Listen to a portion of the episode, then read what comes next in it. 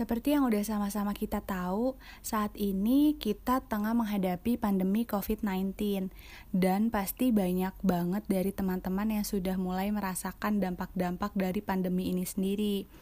Dari mulai mengikuti kebijakan pemerintah untuk bekerja di rumah atau WFH, kemudian di rumah aja, selama 14 hari lalu kemudian diperpanjang, diperpanjang atau mungkin ada juga nih dari teman-teman kita di luar sana yang sampai saat ini juga belum dapat kesempatan untuk bekerja dari rumah alias mereka tetap harus berangkat ke kantor harus berangkat pagi-pagi desek-desekan naik KRL jadi ya seperti biasa gitu dan sadar atau enggak selama udah hampir dua bulan pandemi COVID-19 ini pasti ada beberapa gaya hidup kita yang udah mulai berubah banyak banget perubahannya dan coba kita list mungkin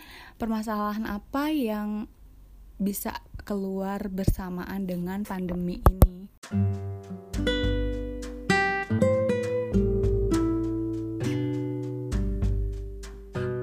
tadinya mungkin sehabis jam pulang kantor, kalian masih bisa nyempetin waktu untuk ketemu teman lama, ya sekedar ngobrol-ngobrol sambil nongkrong di coffee shop atau dinner bareng di mall atau sekedar jalan-jalan lihat sunset keliling-keliling.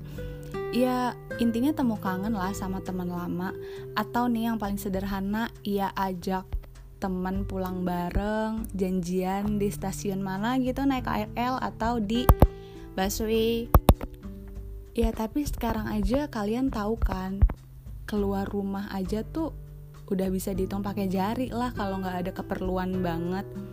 Yang tadinya mungkin teman-teman masih bisa dengan mudahnya ajak teman untuk kerja kelompok bareng, untuk ngerjain laporan bareng, diskusi dan hal-hal lain lah sangat mudah untuk dilakukan bersama-sama. Tapi sekarang bahkan untuk ketemu aja itu udah susah banget.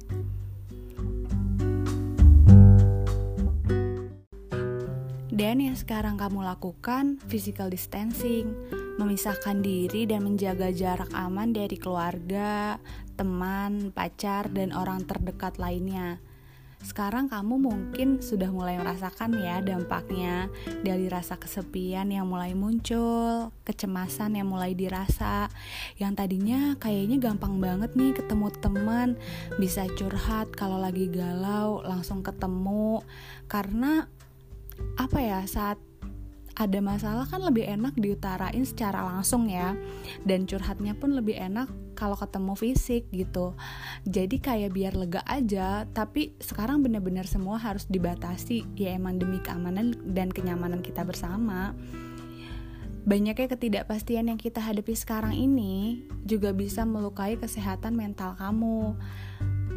Pertanyaan-pertanyaan yang terlintas di pikiran nih yang sampai saat ini belum terjawab seperti kapan ya kita bisa kayak dulu lagi kapan lingkungan kita kembali normal kapan bisa keluar rumah tanpa rasa cemas yang berlebih nggak perlu khawatir apa pun yang terjadi kayak ya udah santai aja mau keluar juga gitu. Atau yang lebih personal apa kedua orang tua gue aman? Ya basically untuk orang-orang yang saat ini nggak boleh mudik ketemu orang tuanya nggak ketemu keluarganya itu kan pasti terpisah dari keluarga. Itu bener-bener yang sangat menyakitkan ya terutama memasuki bulan Ramadan kayak gini. Jadi pasti kepikiran juga gimana keadaan keluarga di rumah. Dan pernah gak sih kepikiran apa sebenarnya kita sendiri udah terjangkit tapi ya kita nggak tahu dan iya semua itu bisa ngaruh banget keadaan ini bisa banget bikin kalian ngerasa bingung, stres, cemas berlebih.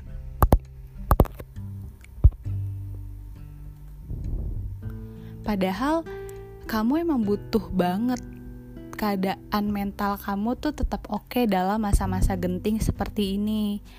Kamu butuh ketenangan batin supaya nggak mikir macem-macem dan harus tetap positif dalam masa stressful yang seperti ini. Mungkin kamu udah ngerasain dampak penyebaran COVID-19 bagi kesehatan mental kamu. Mungkin kamu tuh sekarang juga udah ngerasa terlalu waspada, jadi kayak was-was atau khawatir yang terlalu berlebihan. Dan muncul juga rasa ketakutan berlebih saat emang kamu tuh perlu keluar rumah karena emang ada kepentingan. Dalam keadaan sekarang, itu wajar banget, wajar kamu merasakan hal-hal yang kamu rasakan sekarang wajar merasakan was-was atau terlalu waspada. Karena meskipun COVID-19 ini masalah fisik, tapi nggak bisa dipungkiri bahwa pandemi ini juga bisa mempengaruhi aspek psikologis masyarakat. Bahkan, saking pandemi ini bisa mempengaruhi mental health kita, WHO sendiri pada tanggal 12 Maret kemarin mengeluarkan artikel yang berisi pertimbangan dan saran-saran yang bisa dilakukan masyarakat untuk menjaga mental health kita di masa-masa stressful kayak gini. Nah, jadi kenapa sebenarnya hal ini bisa terjadi? Kenapa wabah fisik seperti COVID-19 bisa mempengaruhi kondisi mental seseorang? Jadi begini, dalam tingkatan individu, hal ini disebabkan karena saat ini tuh kita lagi dipaksa untuk masuk ke fase survival atau bertahan. Jadi otak kita didesain untuk terus-menerus mengecek lingkungan sekitar. Ada potensi bahaya atau enggak? Aman enggak lingkungan sekitar kita? Nah, kalau misalnya udah ketemu nih, kamu akan fokus sama hal tersebut. Misal seperti ini. Kalau misalnya kamu lagi nyebrang jalan, ya kamu pasti akan lebih mau mudah fokus ke jalan itu, ya kan? Tapi beda lagi ceritanya kalau misalnya kamu lagi nyebrang jalan, tiba-tiba sebuah kendaraan melaju ke arah kamu dan pikiran kamu pasti ke kefokus ke kendaraan itu, ya nggak sih? Gimana caranya supaya kita nggak ketabrak kendaraan itu? Jadi ya gimana gimana caranya kita terhindar dari bahaya, ya nggak sih? Hal tersebut dalam beberapa setting sebenarnya dapat menguntungkan. Jadi ketika dalam keadaan bahaya, kesempatan kamu untuk bisa survive naik karena mekanisme tersebut. Ya kalau misalnya COVID-19 nih, lo mau fokus ke mana gitu? Karena ini salah satu masalahnya. Kenapa? Virus ini kecil, nggak kelihatan sama sekali sama mata kamu bisa jadi ada di mana aja, termasuk di hal-hal yang biasanya harmless, di pegangan pintu, di orang-orang yang kamu tahu kalau sebelumnya sehat, di hal-hal lain yang biasanya ya biasa aja. Dan kita tahu bahwa kita ada di dalam bahaya, ya tapi bahayanya samar, nggak jelas. Fisiknya tuh nggak terlihat gitu. Yang terjadi kayak badan kita emang lagi siap-siap merespon tapi kita tuh nggak tahu apa yang kita respon ya nggak akibatnya ya tadi kamu bisa jadi ngerasa terus waspada tapi tanpa sebab yang jelas. Kamu bisa jadi gampang tersinggung dan kecemasan jadi terus menggunung setiap harinya. Berikut beberapa tips agar teman-teman bisa tetap jaga kesehatan mental dan gak kebingungan dalam menerima informasi seperti mengenai COVID-19. Yang pertama, hindari berita negatif. Setiap hari pasti teman-teman baca informasi dari media sosial atau grup WhatsApp, dan biasanya informasi tersebut didominasi oleh berita-berita negatif. Salah satunya update korban virus corona. Nah, coba bayangin kalau teman-teman dapat berita negatif terus-menerus. Pasti kan teman-teman bisa berasumsi dengan hal yang belum tentu benar. Dan berita negatif tersebut akhirnya kayak tertanam di dalam benak hingga akhirnya dapat menyebabkan stres dan daya tahan tubuh menurun karena cemas dan takut yang berlebih. Yang kedua, batasi penggunaan media sosial. Media sosial itu emang dapat membantu kita dalam mengakses informasi, termasuk dalam situasi pandemi seperti sekarang ini, jika dipergunakan secara bijak. Namun, nggak jarang juga nih media sosial dapat membunuh seseorang jika disalahgunakan. Jadi ada baiknya pilih dan sortir akun-akun yang perlu di follow atau di unfollow mute teman-teman juga atau ada akun yang emang sekiranya selalu menyebarkan berita negatif itu juga bisa jadi salah satu pilihan jika memang dirasa perlu dan dapat membuat kamu merasa lebih baik. Yang ketiga, setelah menghindari berita negatif, kemudian mensortir media akun-akun media sosial. Yang ketiga ini cek kebenaran berita. Jadi kalian juga harus bijak dalam memilah informasi yang berhubungan dengan virus COVID-19 ini agar teman-teman nggak menjadi korban berita rumor dan informasi palsu yang mampu mengaruhi kesehatan jiwa. Jadi batasi diri sejenak dari informasi yang berlebihan dan pilih sumber yang akurat pahami juga bahwa nggak semua informasi dan berita yang kita lihat atau kita baca di TV dan di internet itu benar. Jadi buat menghindarkan diri dari berita nggak benar atau hoax, kamu juga perlu membaca referensi dari website resmi pemerintah dan WHO.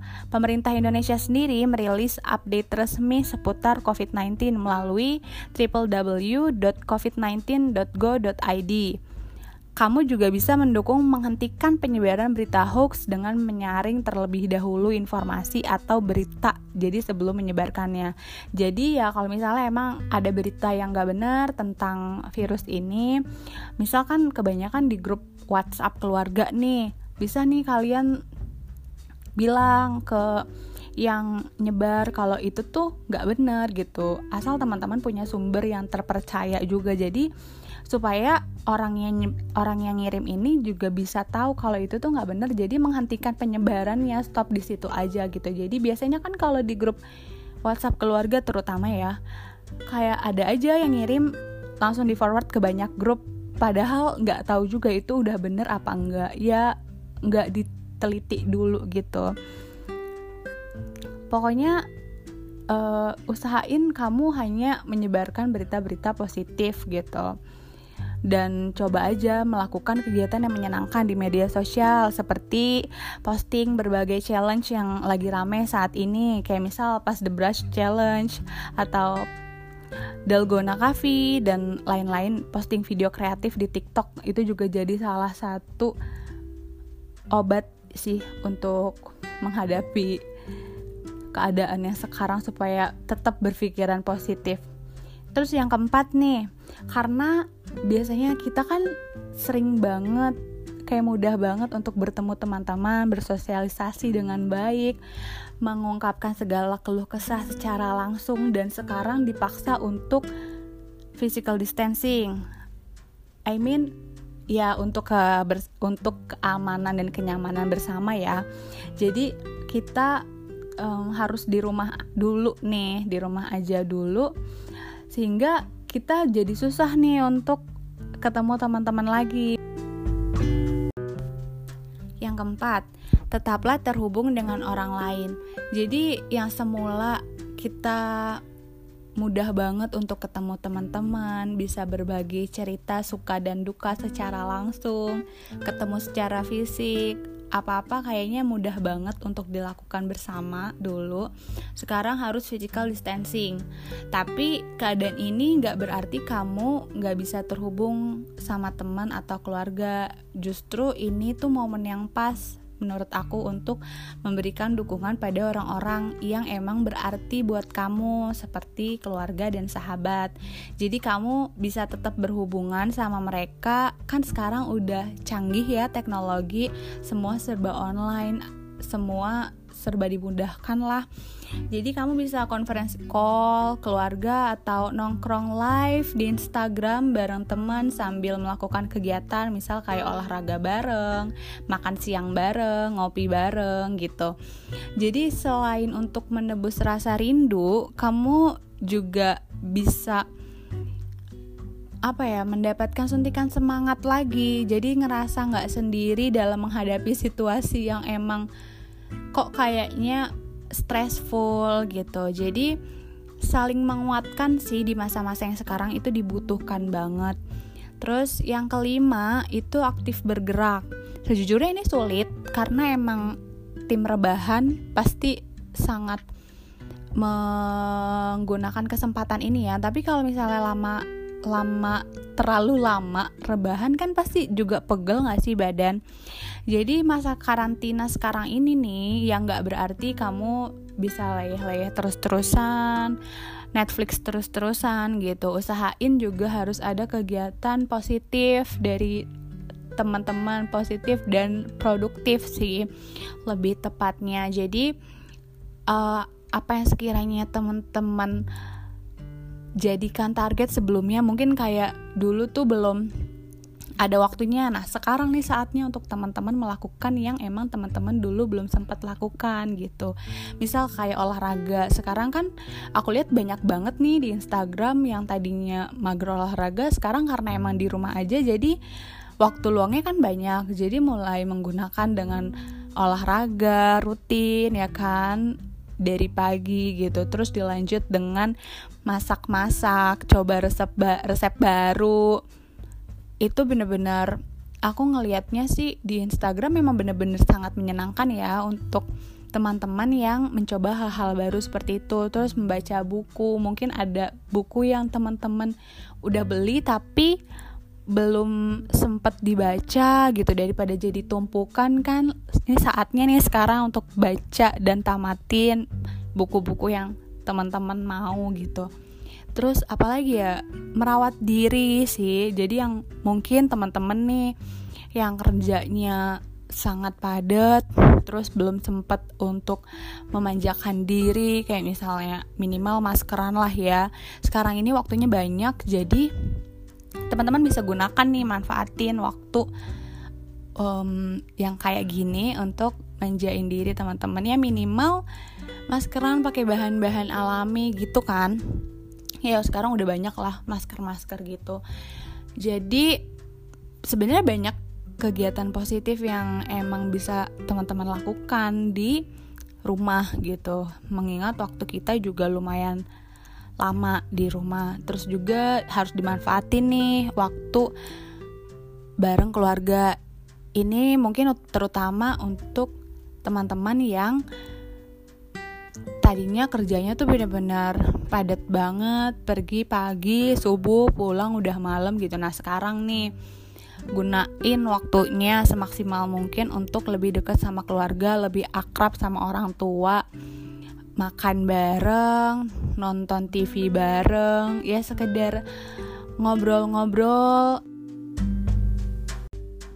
Nah, terus yang terakhir, luangkan waktu untuk teman-teman melakukan aktivitas yang sekiranya bikin teman-teman tuh ngerasa aman dan nyaman. Contohnya kayak gini, misal teman-teman merasa kalau cuci tangan pakai sabun sesering mungkin itu bisa membuat hati teman-teman aman. Seenggaknya teman-teman merasa feel safe kalau udah cuci tangan sebanyak mungkin gitu.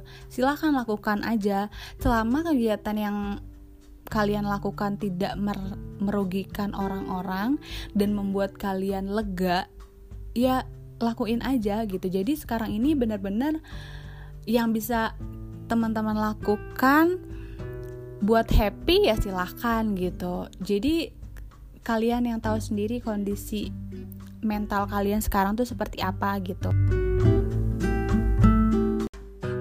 kecemasan sebenarnya tetap dibutuhkan agar kalian gak cuek sama keadaan tapi tetap aja gak boleh sampai berlebihan soalnya nanti kalau berlebihan malah menyulitkan kalian untuk membedakan mana yang benar atau yang salah jadi mari kita tetap saling jaga ya.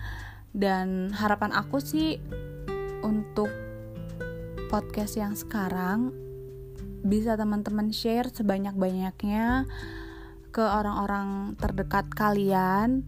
Karena ya emang sekarang ini cuma ini yang bisa kita lakukan saling menebar berita baik nggak nggak hanya hoax yang kita sebar gitu. Jadi saling support gitu. Minimal tanya keadaan temen itu ngaruh banget sih. Jadi buat yang lagi kangen sama orang please jangan gengsi. Minimal sekarang tuh waktunya untuk teman-teman tanyain eh gimana kabar? Minimal tanya kabar lah. Jadi kalian dan teman-teman tuh saling ngerasa sama-sama support gitu. Terus apa ya? Ya pokoknya kita harus memastikan masih banyak orang yang sama-sama peduli dan ingat aja kita nggak sendiri kok sama-sama kita lewatin ini. Semoga pandemi ini segera berlalu.